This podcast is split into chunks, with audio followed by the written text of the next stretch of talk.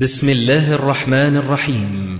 تسجيلات السلف الصالح للصوتيات والمرئيات والبرمجيات. تقدم تفسير الجلالين لفضيلة الشيخ الدكتور محمد إسماعيل. الحمد لله رب العالمين. الرحمن الرحيم. مالك يوم الدين والعاقبة للمتقين. ولا عدوان إلا على الظالمين. وأشهد أن لا إله إلا الله وحده لا شريك له وأشهد أن محمدا عبده ورسوله اللهم صل على محمد النبي وأزواجه أمهات المؤمنين وذريته وأهل بيته كما صليت على آل إبراهيم إنك حميد مجيد. أما بعد فنشرع بإذن الله تعالى في تفسير سورة الماعون وهذه السورة قيل إنها مكية أو مدنية أو نصفها مكي ونصفها مدني وهي ست أو سبع آيات. وهذه السورة نصفان نصفها الأول في الكافرين ومن أشنع صفاتهم التكذيب بيوم الدين وقسوة القلب على اليتيم والمسكين. ونصفها الثاني في المنافقين الذين إذا قاموا إلى الصلاة قاموا كسالى يراؤون الناس ولا يذكرون الله إلا قليلا. وهذه السورة لها أسماء منها سورة الماعون وسورة أرأيت وسورة الدين وسورة التكذيب وسورة اليتيم. وكما ذكرنا آياتها سبع آيات وهي مكية في قول عطاء وجابر وأحد قولي ابن عباس رضي الله عنهما وهذا قول الجمهور. ومدنية في قول آخر لابن عباس وهو قول قتادة وغيره. أما هبة الله المفسر فقال نزل نصفها بمكة في العاص بن وائل ونصفها بالمدينة في عبد الله بن أبي المنافق. أما مناسبة هذه السورة لما قبلها فإن الله سبحانه وتعالى لما ذكر في سورة قريش الذي أطعمهم من جوع ذكر هنا ذم من لم يحض على طعام المسكين ولا يحض على طعام المسكين. ولما قال هناك فليعبدوا رب هذا البيت ذكر هنا من سهى عن صلاته أو لما عدد سبحانه نعمه على قريش وكانوا لا يؤمنون بالبعث والجزاء أتبع سبحانه امتنانه عليهم بتهديدهم بالجزاء وتخويفهم من عذابه. لأن التخويف من العذاب هو نعمة خاصة في في إيه؟ في زمن المهلة والفرصة كما ذكرنا ذلك في سورة الرحمن حينما تكلمنا على كيف أن الله سبحانه وتعالى أتبع الآيات التي فيها وصف آه، جهنم. بقوله فبأي آلاء ربكما تكذبان؟ فإذا التذكير بجهنم وأنت في دار العمل نعمة من الله سبحانه وتعالى لأنها يفترض أنك تنفعل بها وتعمل لكي تتقي هذا المصير فهي من هذه الحيثية نعمة. فلذلك قال عقب الآيات حتى التي في وصف جهنم قال فبأي آلاء ربكما تكذبان؟ كذلك هنا في سورة قريش عدد نعمه على قريش وكانوا لا يؤمنون بالبعث والجزاء فأتبع عز وجل امتنانه عليهم هنا بهذه السورة سورة الماعون بتهديدهم بالجزاء وتخويفهم من عذابه. فقال عز وجل بسم الله الرحمن الرحيم أرأيت الذي يكذب بالدين؟ فذلك الذي يدعو اليتيم.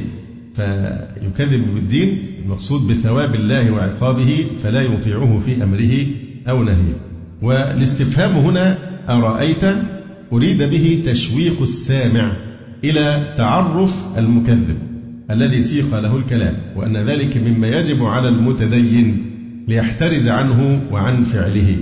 وفي الاستفهام أيضا مبالغة في التعجيب من حاله كقولك أرأيت فلانا ماذا ارتكب؟ وإلى ماذا عرض نفسه؟ وقيل في الكلام حذف. والمعنى أرأيت الذي يكذب بالدين؟ أمصيب هو أم مخطئ؟ والخطاب لرسول الله صلى الله عليه وآله وسلم أو لكل من يصلح له هذا الخطاب. يعني أرأيت يا عاقل هذا الذي يكذب بالدين بعد ظهور الدلائل ووضوح تبيانه أيفعل ذلك لا لغرض؟ فكيف يليق بالعاقل جر العقوبة الأبدية إلى نفسه من غير غرض أو لأجل الدنيا؟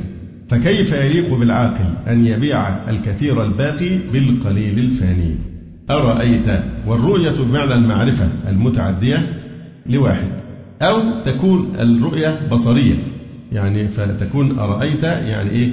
أبصرت المكذب أو أرأيت بمعنى أخبرني من هو.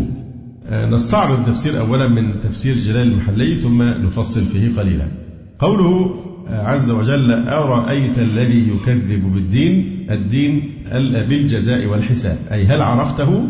وإن لم تعرف فذلك الذي يدعو اليتيم. يعني أرأيت الذي يكذب الدين أي الجزاء والحساب؟ هل عرفته؟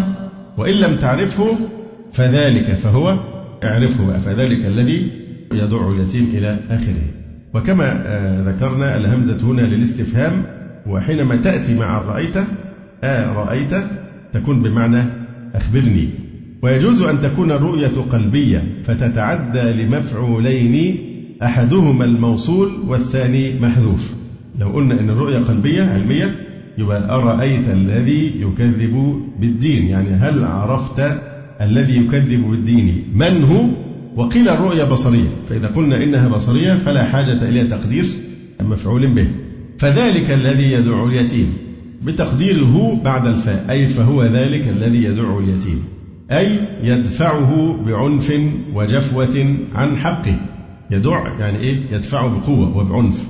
عن أن ينال حقه. الذي يدع اليتيم يدفعه بعنف وجفوة عن حقه ولا يحض نفسه ولا غيره على طعام المسكين أي على إطعامه. نزلت في العاص بن وائل أو الوليد بن المغيرة. فويل للمصلين أي للذين وجبت عليهم الصلاة.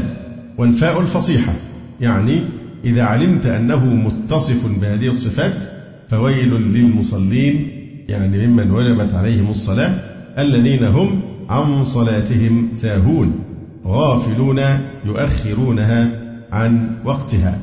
هنا يستبعد قول من تأولوا السهو عن الصلاة في الآية بأنه سهو في الصلاة لأن الله لم يقل الذين هم في صلاتهم ساهون وإنما قال الذين هم عن صلاتهم ساهون وإلا فالسهو في الصلاة ليس بخطيئة ولا منكر بحيث ينظر معه الساهي بالويل وكل مؤمن عرضة لأن يسهو في صلاته فينجبر هذا السهو فيها بسجود السهو أو بالسنن والنوافل.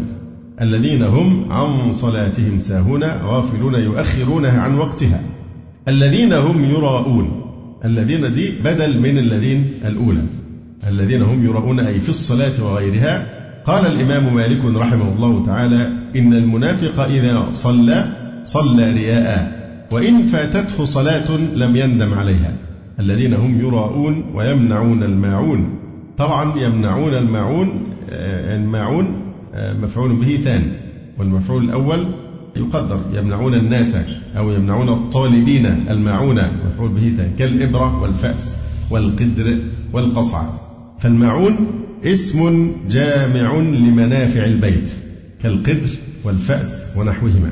يطلق المعون أيضا على الطاعة وعلى الزكاة وعلى الماء والدلو والنار والملح. قال الراعي قوم على الإسلام لما يمنعوا ماعونهم ويضيعوا التهليل.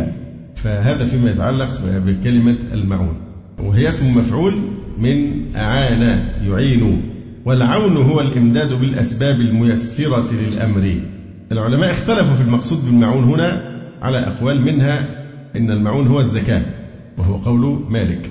وقال زيد بن أسلم هم المنافقون ظهرت الصلاة فصلوها وخفيت الزكاة فمنعوها.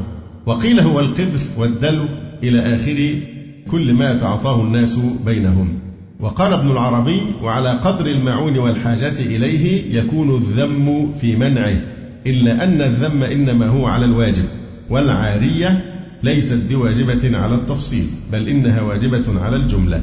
انتهى كلامه وعلى كل حال فإن في الآية حثا على المعروف الذي هو صدقة فلا يتركها المؤمن إذا وجد إليها سبيلا.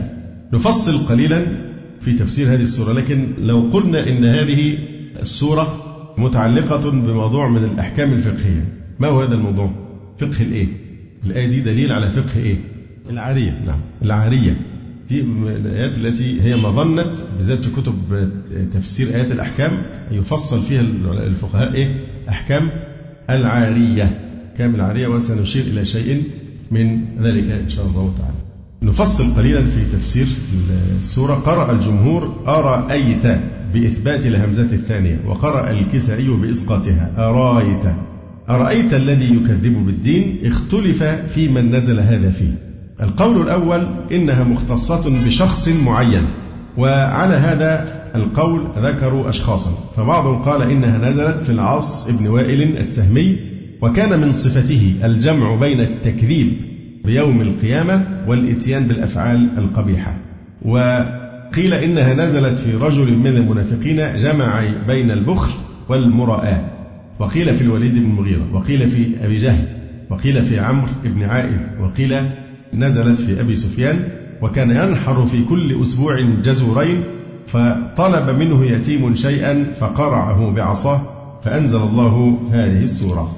القول الثاني آه، إنه عام لكل من كان مكذبا بيوم الدين يعني لا يراد بها شخص بعينه لكنها عامة في كل من كان مكذبا بيوم الدين وذلك لأن إقدام الإنسان على الطاعات وإحجامه عن المحظورات إنما يكون للرغبة في الثواب والرهبة عن العقاب. فإذا كان منكرا للقيامة لم يترك شيئا من المشتهيات واللذات. فثبت أن إنكار القيامة كالأصل لجميع أنواع الكفر والمعاصي. أما قوله رأيت الذي يكذب بالدين فالدين فيه أربعة أقوال. أحدها أنه حكم الله عز وجل. والثاني الحساب والثالث الجزاء والرابع القرآن.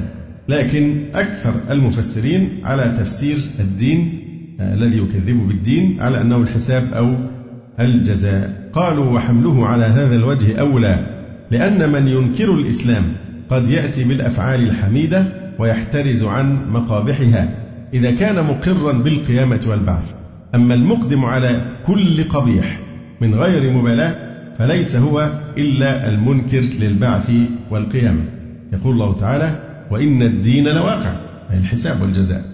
وقال تعالى وما أدراك ما يوم الدين يعني يوم الحساب والجزاء. فكذلك هنا الدين يراد به الحساب والجزاء. فكأنه لعدم إيمانه بالبعث والنشور فإن هذا ينعكس على سلوكه في الدنيا بأن يستحل كل المحرمات لأنه لا يخاف عقابا ولا يرجو ثوابا. فذلك الذي يدع اليتيم. الفاء جواب شرط مقدر أي إن تأملته أو طلبته فذلك الذي يدع اليتيم أو إن لم تعرفه ذلك الذي يكذب بالدين فهو ذلك الذي يدع اليتيم. وقرئت يدع اليتيم يدع بالتخفيف.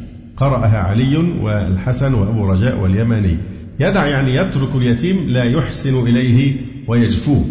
أما يدع فمعناها يدفع دفعا بعنف وجفوة. أي يدفع اليتيم عن حقه دفعا شديدا ليأخذ ماله. قال قتادة يقهره ويظلمه. ومنه قوله سبحانه يوم يدعون إلى نار جهنم دعا يقول ابن كثير يقول تعالى أرأيت يا محمد الذي يكذب بالدين وهو المعاد والجزاء والثواب؟ فذلك الذي يدع اليتيم أي هو الذي يقهر اليتيم ويظلمه حقه ولا يحسن إليه. وقال ابن الجوزي وقد كانوا لا يورثون الصغير وقيل يدفع اليتيم إبعادا له لأنه لا يرجو ثواب إطعامه. ووضع اسم الإشارة لأنه قال فذلك الذي يدعو اليتيم فذلك فاستعمل ذلك بدل إيه؟ الضمير. لم يقل فهو الذي يدعو اليتيم إنما قال فذلك للدلالة على التحقير. فذلك الذي يدع اليتيم ولا يحض على طعام المسكين. أي لا يحث على طعام المسكين. يعني لا يبعث أحدا من أهله وغيرهم من ذوي اليسار على إطعام المحتاج وسد خلته بل يبخل بسعيه عند الأغنياء لإغاثة البؤساء. فهنا لا يحض يعني لا يطعمه ولا يأمر بإطعامه. لأنه مكذب بالجزاء كما قال تعالى كلا بل لا يكرمون اليتيم في قراءة أبي عمرو. كلا بل لا يكرمون اليتيم ولا يحضون على طعام المسكين. أي الفقير الذي لا شيء له يقوم بأوده وكفايته. ومثله أيضا قوله تعالى إنه كان لا يؤمن بالله العظيم ولا يحض على طعام المسكين وليس الذم عاما حتى يتناول من تركه عجزا. ولكنهم كانوا يبخلون ويعتذرون لأنفسهم. ممكن شخص لا يستطيع أن يطعم المسكين فهنا نتيجة العجز فهذا لا يذم. وإنما الذم لهؤلاء القوم الذين كانوا يبخلون بإطعام المسكين والإكرام اليتيم ويعتذرون لأنفسهم. يقولون إيه؟ أنطعم من لو يشاء الله أطعمه؟ كل شيء بقدر الله. وربنا لو شاء يطعمهم أطعمهم فيحتجون بالقدر لإبطال الشرع الذي يأمرهم بالنفقة وبالإطعام والإكرام. فنزلت هذه الآية فيه يقولون أنطعم من لو يشاء الله أطعمه؟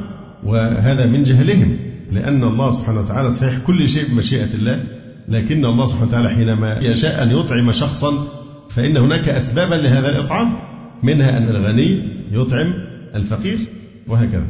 فالذم يوجه إلى هؤلاء فيكون معنى الكلام لا يفعلونه إن قدروا ولا يحثون عليه إن عسروا. لأن هناك من الأمور أو الواجبات الكفائية ما إذا عجز عنه الإنسان فإنه الواجب عليه أن يحض القادر. واضح؟ يحض ويحث القادر على الإطعام. فهذا هو الذي يستطيعه أن يذهب للغني مثلا ويلفت نظره فلان مسكين فلان فقير فلان محتاج إلى كذا. فهذا نوع من الشفاعة أو نوع من الحض على إطعام المسكين. فمسألة الحض على طعام المسكين وقضاء حوائجه والشفاعة له كل هذا داخل تحت قوله تعالى وتعاونوا على البر والتقوى ويقول صلى الله عليه وسلم مثل المؤمنين في تراحمهم وتوادهم وتعاطفهم كمثل الجسد إذا اشتكى عضو منه تداعى له سائر الجسد بالحمى والسهر والحديث متفق عليه. وعن أبي موسى رضي الله عنه عن النبي صلى الله عليه وسلم قال المؤمن للمؤمن كالبنيان يشد بعضه بعضا ثم شبك بين أصابعه. وكان صلى الله عليه وسلم جالسا إذ جاءه رجل يسأل وطالب حاجة أقبل علينا بوجهه فقال اشفعوا فلتؤجروا وليقضي الله على لسان نبيه ما شاء. وهذا متفق عليه. معنى هذا الحديث اشفعوا فلتؤجروا يعني ليشفع بعضكم في بعض. فلتؤجروا فلتؤجروا يعني يكون هذا سببا في نيل الثواب والأجر. يعني اشفعوا حتى لو لم تقبل شفاعتكم. فيثبكم الله على الشفاعة وإن لم تقبل لأن الله سبحانه وتعالى حرض على الشفاعة الحسنة. فقال ومن يشفع شفاعة حسنة يكن له نصيب منها. ولم يقل ومن يشفع. وإنما قال ومن يشفع. من هو المشفع؟ الذي إذا شفع قبلت شفاعته. توسطت الواحد غني قلت له فلان فقير أو محتاج فأنت هنا إيه؟ شافع. فإذا قبل شفاعتك فأنت مشفع. فمن ثم إذا الإنسان يتوسط ويحاول لا يخذل أخاه حتى ولو لم تقبل شفاعته. لكن هو مأمور بأن إيه؟ يشفع فينال الثواب حتى لو ردت. فإن قبلت طبعا يكون له يعني في ذلك خير. كذلك في الحديث اشفعوا تؤجروا. اشفعوا تؤجروا يعني إيه معنى كلمة الشفع؟ الشفع عكس الوتر عدد الزوجي فبدل ما هو شخص واحد صاحب الحاجة إنسان لوحده. فأنت تنضم إليه تشفعه وتتوسط له عند فلان ليقضي حاجته فمعنى الشفاعة لينضم إليه من إيه؟ يعينه على قضاء حاجته. وطبعا الكلام هنا في الشفاعة اللي هو الكلام فيما ليس فيه حد من حدود الله لورود النهي عن الشفاعة في الحدود. كذلك لا تجوز الشفاعة في أمر لا يجوز تركه كالشفاعة إلى ناظر طفل أو مجنون أو وقف في ترك بعض حق من في ولايته فهذه شفاعة محرمة. شخص مثلا ولي مثلا على يتيم أو وصي أو نحو ذلك ما ينفعش واحد يروح يشفع له يقول له إيه اتنازل وهو المفروض يقوم على مصلحة هذا اليتيم. فيجي اللي عايز يأكل حق اليتيم يقول له مثلا إيه اتنازل ما انت وصي وتقدر تقول لا. فهذا لا يجوز ليس من حقه أن يتنازل عن شيء من حقوق هذا اليتيم. فهناك شفاعة محرمة التي يترتب عليها إيه؟ تعطيل خير أو تضييع حق من حقوق الناس. اشفعوا فلتؤجروا وليقضي الله على لسان نبيه ما شاء. وقد قال النبي صلى الله عليه وآله وسلم من دل على خير فله مثل أجر فاعله. هذا رواه مسلم. وفي الحديث المتفق عليه عن أبي موسى رضي الله عنه قال قال رسول الله صلى الله عليه وسلم إني أوتى وأسأل وتطلب إلي الحاجة وأنتم عندي فاشفعوا فلتؤجروا ويقضي الله على يدي نبيه ما أحب. طبعا هنا معنى مهم جدا. إني أوتى وأسأل وتطلب إلي الحاجة وأنتم عندي. فالرسول عليه السلام يعني كان يأتيه السائل أو الشخص الذي يطلب حاجة معينة والصحابة موجودون. فيتعمد ألا يجيبه بنفسه. لماذا؟ رجاء أن واحد من الحاضرين يشفع فينال أجر الشفاعة ليفتح له باب الثواب. ولذلك قال اشفعوا فلتؤجروا. أما تقبل شفاعة أم لا؟ حسب ما يشاء الله وليقضي الله على يدي نبيه ما أحب. لكن أنتم اشفعوا. فكذلك هنا يقول إني أوتى وأسأل وتطلب إلي الحاجة وأنتم عندي فاشفعوا لتؤجروا. ويقضي الله على يدي نبيه ما أحب. وقال صلى الله عليه وآله وسلم إن لله عبادا يختصهم بالنعم لمنافع العباد. يعني الله سبحانه وتعالى ما أعطاهم النعم من الجاه أو المال أو نحو ذلك إلا ليسخروها في مصالح خلقه يجعلهم أسبابا ليصل الناس إلى ما عندهم. إن لله عبادا يختصهم بالنعم لمنافع العباد ويقرها فيهم ما بذلوها فإذا منعوها أخذها منهم فحولها إلى غيرهم فإن يكفر بها هؤلاء فقد وكلنا بها قوما ليسوا بها بكافرين. وإن تتولوا يستبدل قوما غيركم ثم لا يكونوا أمثالكم. فقال صلى الله عليه وسلم المسلم أخو المسلم لا يظلمه ولا يسلمه. ومن كان في حاجة أخيه كان الله في حاجته. ومن فرج عن مسلم كربة من كرب الدنيا فرج الله عنه كربة من كرب يوم القيامة. ومن ستر مسلما ستره الله يوم القيامة والحديث متفق عليه. وقال صلى الله عليه وسلم من نفس عن أخيه كربة من كرب الدنيا نفس الله عنه كربة من كرب يوم القيامة. ومن يسر على معسر يسر الله عليه في الدنيا والآخرة. ومن ستر على مسلم ستر الله عليه في الدنيا والآخرة. والله في عون العبد ما كان العبد في عون أخيه. فقضية الشفاعة الشريعة تفتح باب الشفاعة ما في مانع أبدا من الوساطة لكن مش وساطة في إن واحد يضيع حق الآخرين. يعني شغلانة بيتنافس فيها الناس حسب الكفاءات. فيروح واحد داخل بالواسطة وينجح واحد أقل كفاءة من غيره أو في من هو أولى منه بهذه الوظيفة. فالحقيقة إحنا في حينما نتكلم عن هذا الموضوع يعني إحنا وصلنا لوضع أقبح ما يكون في موضوع الشفاعات والوسطات للأسف الشديد. يعني يكاد ينخر كالسوس في المجتمع نخرا. لأن الذين يقومون بالشفاعة تقريبا زي نتيجة الانتخابات زمان. يعني 99 و999 من ألف في المية. بياخدوا فلوس سحت مقابل هذه الشفاعة. يعني ما نكاد واحد يكون في منصب ويستطيع أن يخدم الناس أو ييسر للشباب وظائف إلا ولازم ياخذ يا إما هدية يا إما بيطلبها عيانا يا إما القهوة بتاعته يا إما إكرامية. هذا هذا الإجرام وهذا الابتزاز وهذا الإذلال لخلق الله سبحانه وتعالى. وتجد الشاب يبحث عن عمل حلال يتعفف به فيستدين وينهك إنهاكا شديدا وهو ما عملش شيء غير ان هو بيتوسط له بس عشان فأصبح المجتمع شبكة من النصابين والمبتزين من الشبكات ال ال يعني هذا الظلم الفاحش الذي يحصل على الشباب المساكين. هو كل جهده عايز يشتغل حلال أو يأكل من حلال.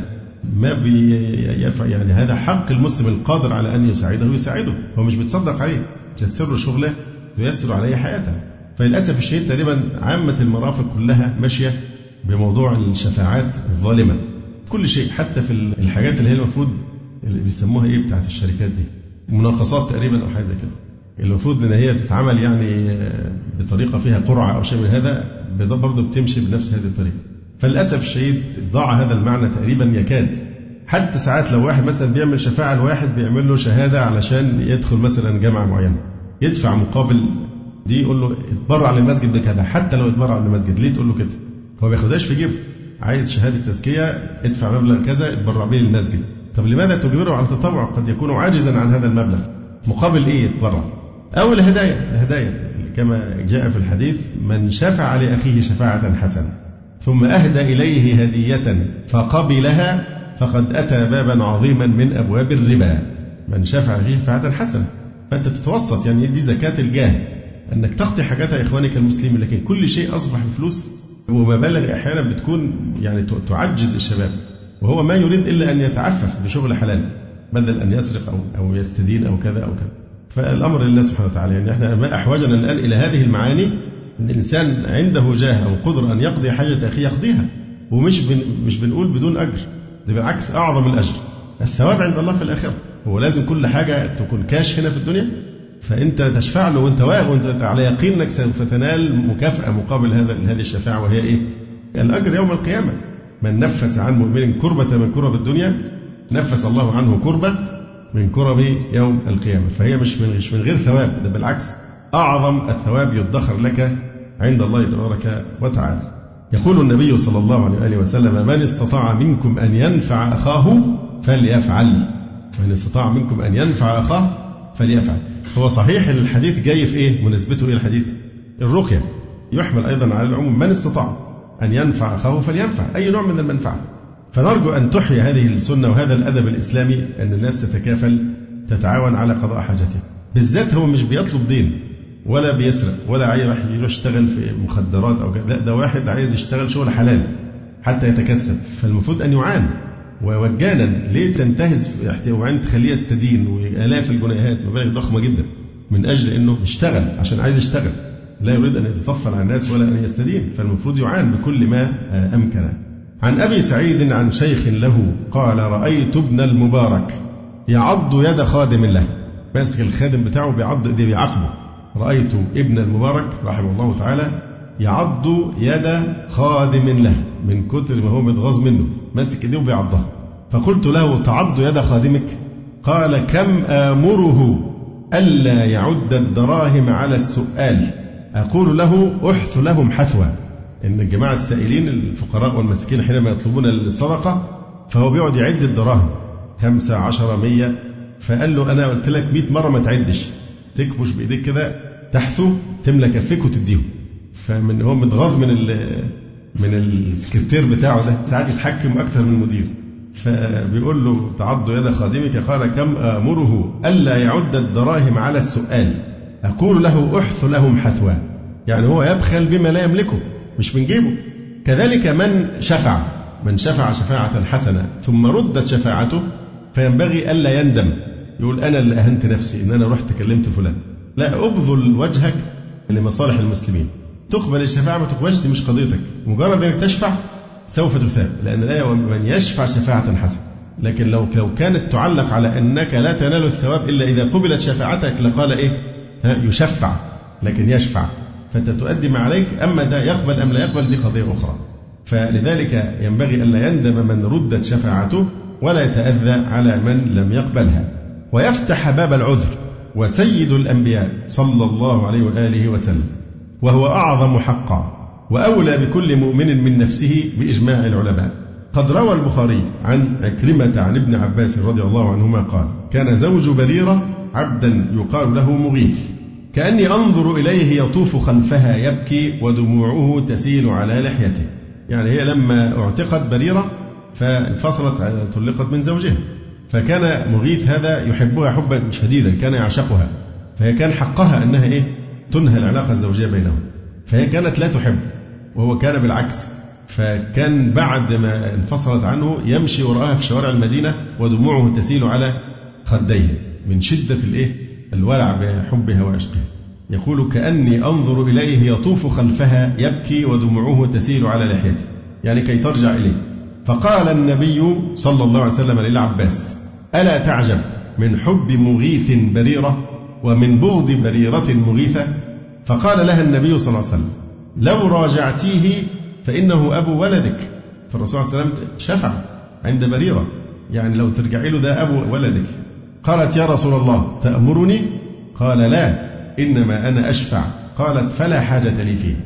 فللأسف الشديد طبعا هي ردت شفاعة الرسول عليه والسلام. لكن لو قال لها آمرك قطعا يظن بها كانت تقول سمعنا وأطعنا. لكن هي سألته يا رسول الله تأمرني؟ قال لا إنما أشفع. قالت فلا حاجة لي فيه. وقال الله سبحانه وتعالى من يشفع شفاعة حسنة يكن له نصيب منها ومن يشفع شفاعة سيئة يكن له كفل منها وكان الله على كل شيء مقيتا. أصل الشفاعة كما قلنا من الشفع وهي الإيه؟ الزوج في العدد العدد الزوجي. والشفع ضم واحد إلى واحد. والشافع الذي يعين غيره فيصير معه شفيعا بعد أن كان وترا. فالشفيع يصير مع صاحب الحاجة مشفعا. فالشفاعة على التحقيق إظهار لمنزلة الشفيع عند المشفع وإيصال المنفعة إلى المشفوع له. يبقى ده معنى الشفاعة إظهار لمنزلة الشفيع عند المشفع. لأنه لو يكرم عليه هذا الشخص ويحب هذا الشفيع لن يرد إيه؟ طلبه وشفاعته. إظهار لمنزلة الشفيع عند المشفع وإيصال المنفعة إلى المشفوع له. هذه هي الشفاعة. فقوله تعالى من يشفع شفاعة حسنة يعني من يتوسط في أمر فيترتب عليه خير من دفع ضر عمن يستحقه أو جلب نفع لمن يستحق النفع ابتغاء لوجه الله تعالى. ومنه حمل المؤمنين على قتال الكفار. هذه شفاعة. أن تحض المؤمنين على قتال الكفار. ومن الشفاعة أيضا الدعاء للمؤمنين.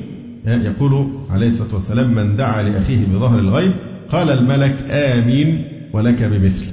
ومنها الشفاعة للإصلاح بين اثنين. ومن يشفع شفاعة سيئة وهي ما كانت بخلاف الحسنة بأن كانت في أمر غير مشروع يكن له كفل منها أي نصيب من وزرها الذي ترتب على سعيه.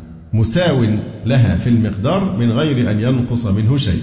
قال السيوطي في الآية مدح الشفاعة وذم السعاية وهي الشفاعة السيئة. وذكر الناس عند السلطان بسوء دي شفاعة سيئة وهي معدودة من الكبائر. اللي يروح لذوي الجاه والسلطان يعطي كلاما فيه تحريض أو نحو ذلك هذه شفاعة سيئة الاستعداء ثم قال تبارك وتعالى فويل للمصلين. فويل للمصلين الذين هم عن صلاتهم ساهون. ساهون أي لاهون يتغافلون عنها وذلك باللهو عنها والتشاغل بغيرها وتضييعها أحيانا وتضييع وقتها أخرى أو لا يصلونها كما صلاها رسول الله صلى الله عليه وسلم والسلف لكن ينقرونها نقرا لا يخشعون. وقال القاشاني أي فويل لهم أي للموصوفين بهذه الصفات من دع اليتيم وعدم الحث على طعام المسكين الذين إن صلوا غفلوا عن صلاتهم لاحتجابهم عن حقيقتها بجهلهم وعدم حضورهم. وقوله تعالى فويل للمصلين. طبعا يعني فويل إيه؟ يومئذ يوم الحساب. والمصلين من باب وضع الظاهر موضع المضمر. لم يقل إيه؟ فويل لهم. لكن قال فويل للمصلين. للتوصيل بذلك إلى بيان أن لهم قبائح أخر غير ما ذكر. وللتسجيل عليهم بأن أشرف أفعالهم وصور حسناتهم سيئات وذنوب. كما يقولون يعني أحسن ما في خالد وجهه. ووجهه الغاية في القبح. أحسن ما في خالد وجهه. ووجهه الغاية في القبح. أحسن حاجة الإنسان بيعملها إيه؟ الصلاة. طب صلاتهم بقى دول شكلها إيه؟ فالمقصود أن أشرف أفعالهم وصور صور لأن صورة فقط. حسناتهم سيئات وذنوب. لعدم ما هي به معتبرة من الحضور والإخلاص. وأورد على صيغة الجمع لأن المراد بالذي يكذب الجنس. فويل للمصلين. في حين أول السورة إيه أرأيت الذي يكذب بدين؟ فالمقصود بالذي يكذب بدين جنس من يكذب بالدين وذلك ساغ هنا أن يوردها على صيغة الجمع فيقول فويل للمصلين. وقال ابن مسعود والله ما تركوها البتة ولو تركوها البتة كانوا كفارا. لكن تركوا المحافظة على أوقاتها. وقال ابن عباس هو المصلي الذي إن صلى لم يرج لها ثوابا وإن تركها لم يخش عليها عقابا. يعني لأن من هانت عليه صلاته لا يمكن أن يعز عليه شيء. وعنه أيضا الذين يؤخرونها عن أوقاتها. وعن إبراهيم ساهون بإضاعة الوقت. وعن أبي العالية لا يصلونها لمواقيتها ولا يتمون ركوعها وسجودها. وعن ابن عباس هم المنافقون. يتركون الصلاة سرا ويصلونها علانية. وإذا قاموا إلى الصلاة قاموا كسالى. ويدل على أنها في المنافقين قوله الذين هم يراءون. ولو قال الذين هم في صلاتهم ساهون لكانت في المؤمنين. لكن قال عن صلاتهم. وقال عطاء الحمد لله الذي قال عن صلاتهم ولم يقل في صلاتهم لأنه لا يسلم أحد من السهو. أما في علاقة هذه الآية بما قبلها ففي ذلك وجوه. أولا أنه لما كان إيذاء اليتيم والمنع من الطعام دليلا على النفاق فالصلاة لا مع الخشوع والخضوع أولى أن تدل على النفاق لأن الإيذاء والمنع من النفع معاملة مع المخلوق. أما الصلاة فإنها خدمة للخالق فلا هم ينفعون المخلوق فذلك الذي يدع اليتيم ولا يحض على طعام المسكين. ولا يأدون حق الخالق بأداء الصلاة كما يحب. أيضا كأنه لما ذكر اليتيم وتركه للحظ كأن سائلا يسأل أليس أن الصلاة تنهى عن الفحشاء والمنكر؟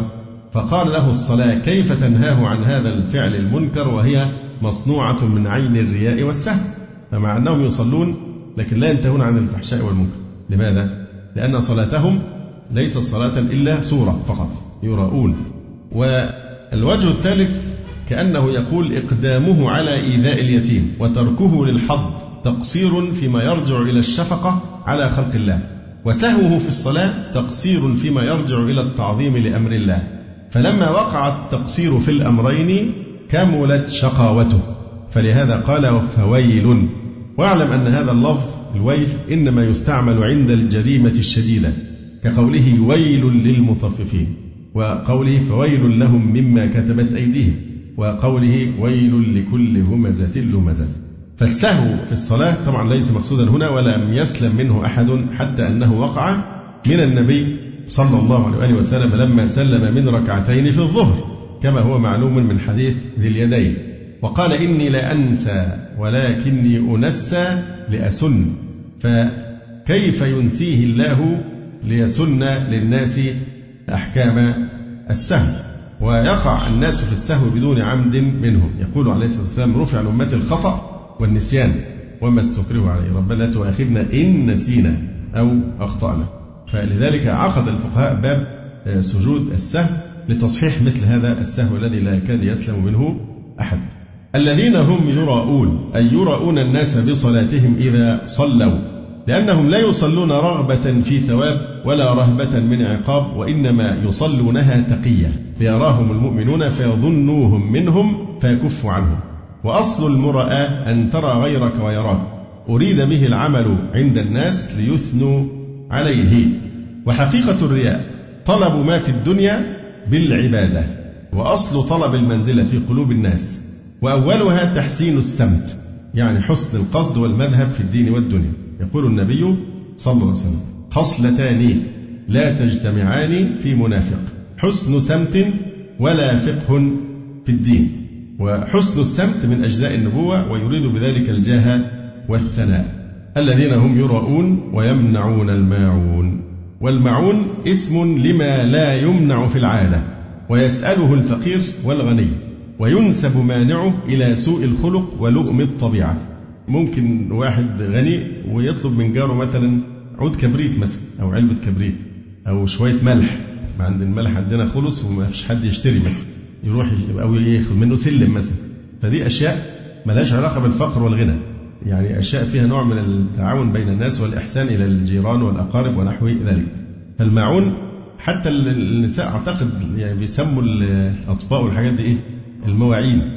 يمكن تكون مأخوذة من كده. محتاجين طبق صينية شيء من هذا. فده يعني إيه؟ لا علاقة له بالغنى والفقر. اعتاد الناس الكرام على تبادل هذه الأشياء بدون تحرج يعني. فالمعون اسم لما لا يمنع في العادة. ما يمنعوش غير إنسان لئيم أو كذا يعني. ويسأله الفقير والغني وينسب مانعه إلى سوء الخلق ولؤم الطبيعة. فالمعونة بما خف فعله وقد ثقله الله. شيء يسير بس عند الله ثوابه عظيم. ومنعه يترتب عليه هنا هذا الوعيد فويل للمصلين الذين هم عن صلاتهم ساهون الذين هم يراؤون ويمنعون المعون قال ابن كثير أي لا أحسنوا عبادة ربهم ولا أحسنوا إلى خلقه. الذين هم يراؤون حتى الصلاة اللي هي أحسن حاجة يراؤون الناس لا يريدون بها وجه الله. يعني أحسن فعل بيفعلوه هو أقبح ما فيه فما بالك بما عداه أحسن ما في خالد وجهه ووجهه الغاية في القبح. يبقى غير وجهه بقى شكله إيه؟ فإذا كان دي الصلاة نفسها أسوأ ما تكون. فما بالك بما عداها من الأفعال. فابن كثير يقول إشارة إلى أنهم لا أحسنوا الصلاة ولا أحسنوا الصلات. لا أحسنوا الصلاة حق الله ولا أحسنوا الصلة مع إيه؟ خلقه. لا أحسنوا عبادة ربهم ولا أحسنوا إلى خلقه حتى ولا بإعارة ما ينتفع به ويستعان به مع بقاء عينه ورجوعه إليهم هو جارك لما يطلب منك السلم مثلا هيستعمله مش هياكله. العارية إباحة انتفاع إباحة منفعة مع بقاء الأصل. بيستعملوه يرجعوه لك مش هينقص يعني إيه؟ شيء. فهي منفعة مؤقتة وترجع لك تاني. فأكيد الذي يمنع مثل هذا شخص إيه؟ لئيم. مع بقاء عينه ورجوعه إليهم فهؤلاء لمنع الزكاة وأنواع القربات أولى وأولى. إذا كان في الماعون اللي هو شيء يسير. يسلفه الجار شوية وبعدين يرجع له زي ما هو.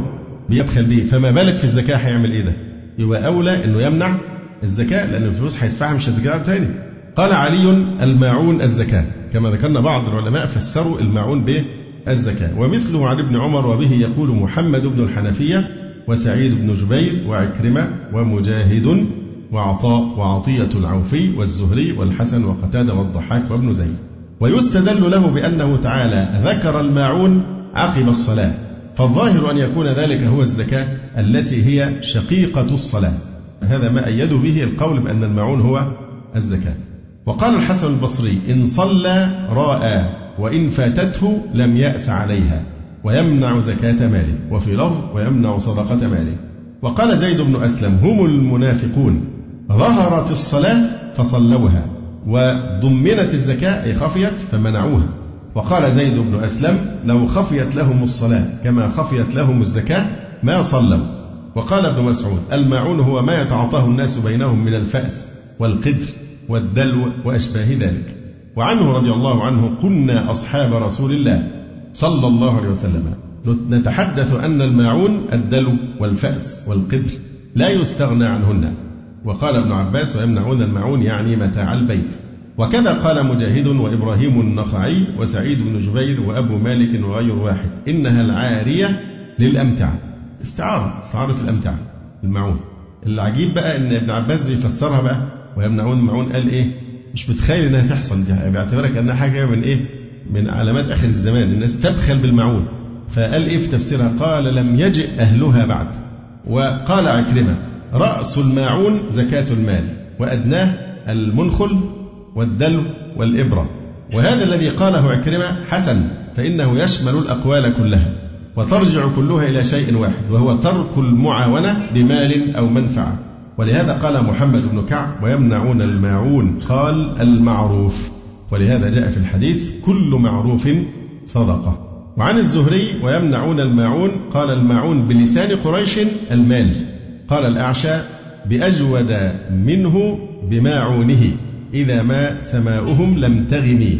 يعني يتكافلون فيما بينهم بالمعون بالمال إذا لم تحصل مطر وخير يعني.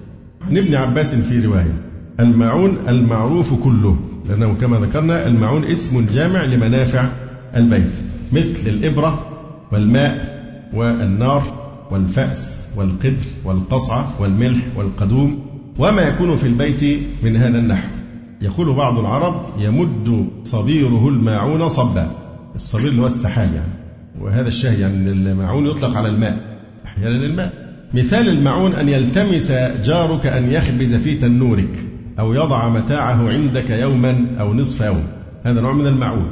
وقال عكرمة ليس الويل لمن منع هذا إنما الويل من جمعهن فرأى في صلاته وسهى عنها ومنع هذا. والمعون في الإسلام الطاعة والزكاة. وأنشدوا قول الراعي أخليفة الرحمن إنا معشر حنفاء نسجد بكرة وأصيلا. عرب نرى لله من أموالنا حق الزكاة منزلا تنزيلا قوم على الإسلام لما يمنعوا ماعونهم ويضيعوا التهليل. يعني الزكاة المعون هنا الزكاة. وقيل الماعون هو المستغل من منافع الأموال مأخوذ من المعن. المعن يعني القليل. وقال قطرب أصل الماعون من القلة والمعن الشيء القليل. يقول العرب ما له سعنة ولا معنى. ما له سعنة ولا معنة. السعنة اللي هي الشيء الكثير يعني والمعنى اللي هي الشيء القليل. فهذا مثل يضرب لمن لا مال له. ما له سعنة ولا معنى يعني لا عنده قليل ولا كثير. فسمى الله سبحانه وتعالى الزكاة والصدقة ونحوها من المعروف ماعونا لأنه قليل من كثير. يعني حتى الزكاة ربع العشر يعني واحد على أربعين من مالك فهي قليلة. قال القرطبي كونها في المنافقين أشبه وبهم أخلق لأنهم جمعوا الأوصاف الثلاثة. ترك الصلاة والرياء والبخل بالمال. قال تعالى وإذا قاموا إلى الصلاة قاموا كسالى يراءون الناس ولا يذكرون الله إلا قليلا. وقال ولا ينفقون إلا وهم كارهون. وهذه أحوالهم. ويبعد أن توجد من مسلم محقق. وإن وجد بعضها فيلحقه جزء من التوبيخ. وذلك في منع الماعون إذا تعين كالصلاة إذا تركها والله أعلم. إنما يكون منعا قبيحا في المروءة في غير حال الضرورة الله تعالى أعلم. وقال الرازي على هذا التقدير على أساس أن الماعون شيء قليل.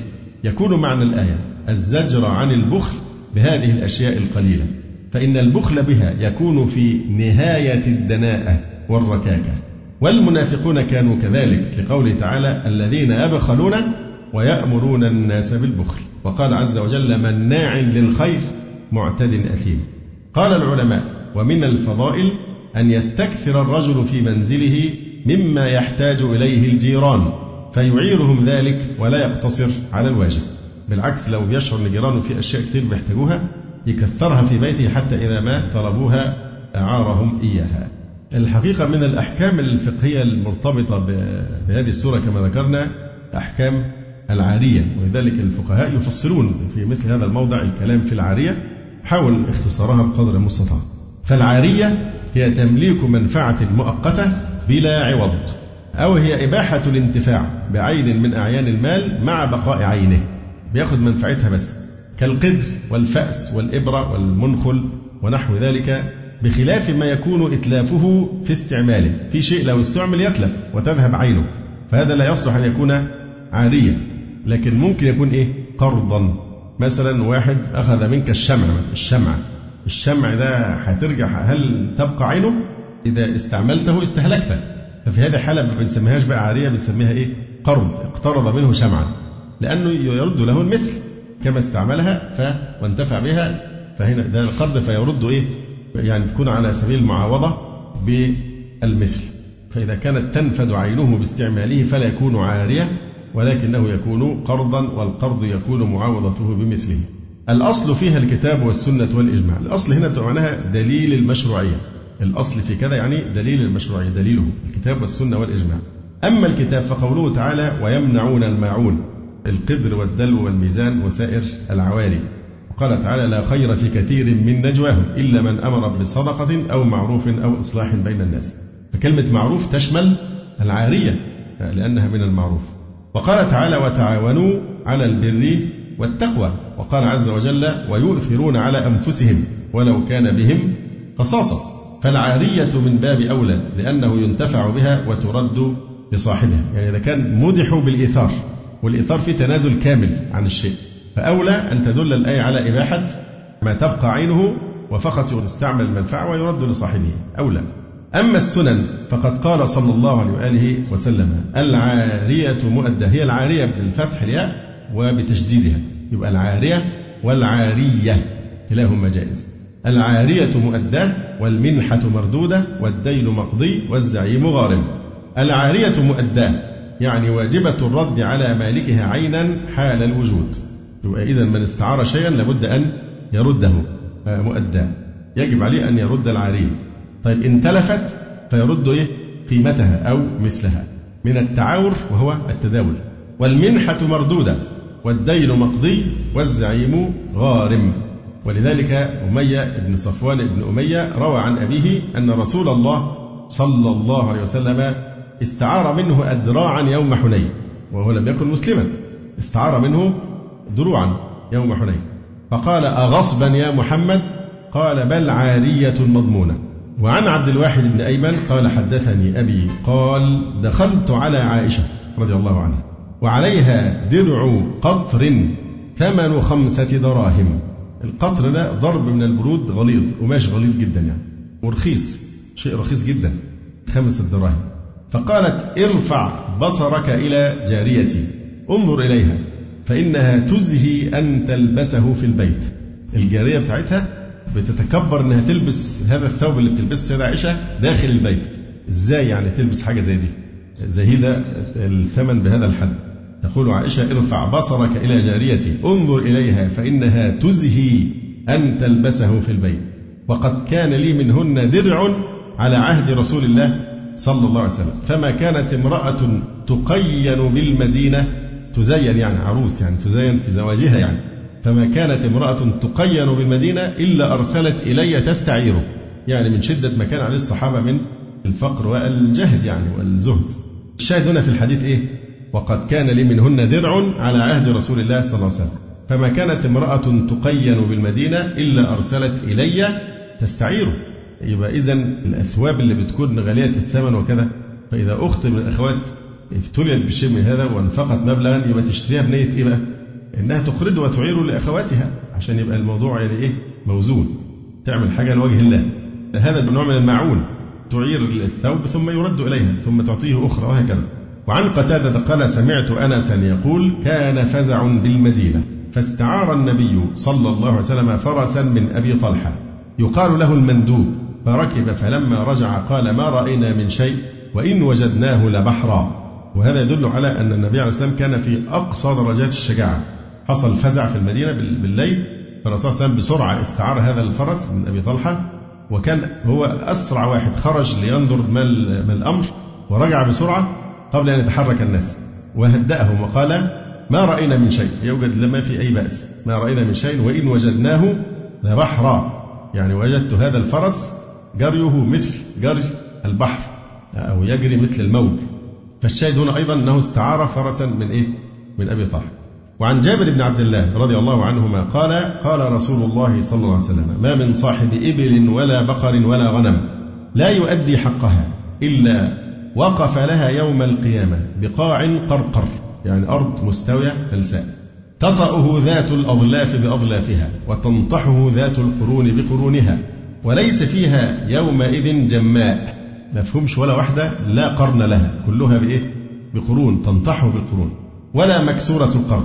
قلنا يا رسول الله وماذا حقها؟ قال إطراق فحلها وإعارة دلوها وحمل عليها في سبيل الله.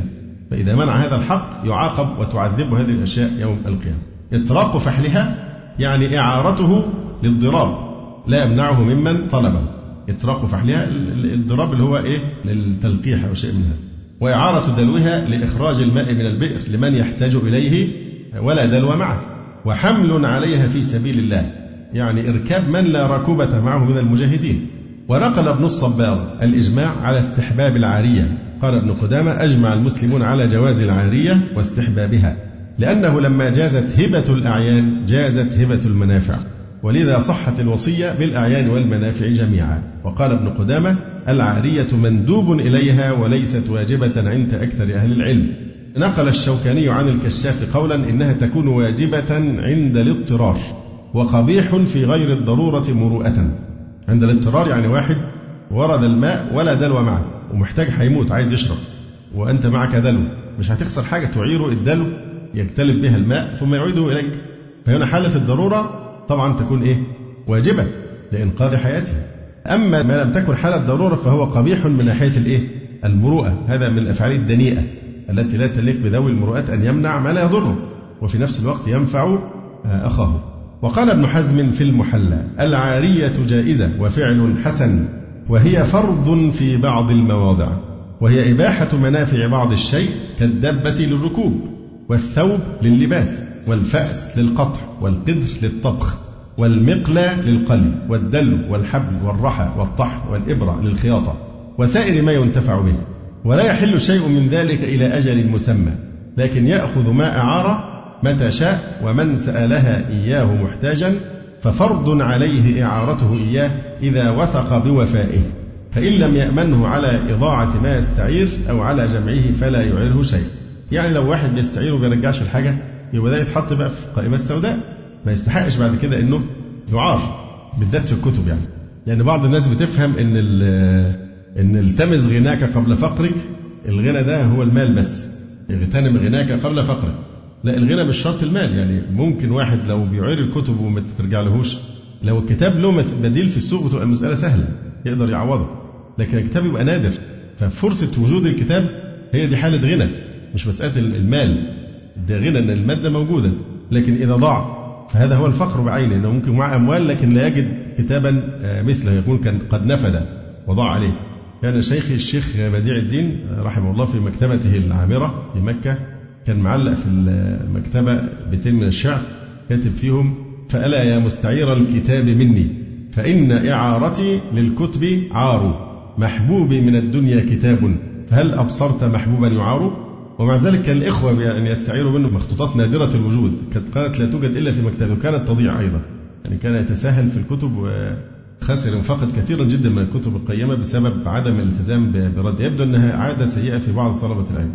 حتى لما اتكلمنا على الشيخ الإسلام ابن تيمية قلنا إنه كان تلامذته يتعلقون جدا بمخطوطاته والشيخ كان عنده مذهب عجيب جدا. الشيخ الإسلام كان مذهبه لا يرى ابدا أن يمنع كتاب العلم من طالبه اطلاقا بأي عذر. فكان جوادا كما كان جوادا في ماله وخلقه وعلمه سخيا جدا في بذل العلم. كان سخيا أيضا رحمه الله في بذل الكتب فكان لا يسأل كتابا إلا أعطاه. فكانوا بياخدوا منه المخطوطات بتاعة مصنفاته وما يرجعوا يستخسر يرجعها ده أنا معايا كنز من كنوز ابن تيمية فلذلك بعد ما توفي حاولوا أن يعني يستردوا هذه الكتب ليحفظوا تراث شيخ الإسلام كما تلاحظون ذلك في رسالة إيه؟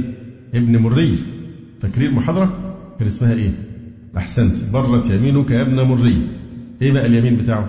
مين الأخ كان بيجاوب؟ اتفضل أحسنت أحسنت يعني كان لما قبض شيخ الإسلام كان هو بعيدا عن البلد ففوجع بعد ذلك لما علم بوفاة شيخ الإسلام في السجن رحمه الله فأرسل رسالة إلى مين بقى؟ عبد الله ابن رشيق. ده أخص تلاميذ الشيخ الإسلام وأخبرهم بكتبه. البعض بيقول ابن القيم لكن هو ابن رشيق ده المتخصص في الموضوع ده. فابن رشيق بعت له هو بقى رسالة بيعزيه في وفاة الشيخ وبيقول له طلع كل جهدك في إيه؟ في إنك تتتبع المخطوطات دي وتجمعها لأن دي المسألة إحنا المفروض أن نصونها للأجيال. قال إيه بقى في أثناء الكلام؟ قال فوالله ثم والله ليقيضن الله أناسا ينتفعون بعلم شيخ الإسلام ما زالوا الآن في أصلاب آبائهم. هل ستمر الأجيال والقرون؟ وفي ناس لسه الآن في أصلاب آبائهم لم يخلقوا. سوف ينتفعون بعلم شيخ الإسلام تيمية ولا شك أن فعلا برت يمين ابن بري. عشان كده سميت الشريط بهذا اسم حتى ما تنسوش هذا المعنى. برت يمينك يا ابن مري. على أي الأحوال؟ الكلام الحقيقة كثير في في موضوع الأحكام العارية. لكن آه، مضطرون لأن نكتفي آه، بهذا القدر وأقول قولي هذا وأستغفر الله لي ولكم. سبحانك اللهم ربنا وبحمدك أشهد أن لا إله إلا أنت أستغفرك وأتوب إليك. وفي الختام تقبلوا تحيات إخوانكم في تسجيلات السلف الصالح بالإسكندرية. هاتف رقم صفر ثلاثة فاصل أربعة تسعة أربعة سبعة ستة خمسة اثنان وتليفون محمول صفر عشرة. واحد ستة أربعة واحد تسعة ثمانية صفر. والسلام عليكم ورحمة الله وبركاته.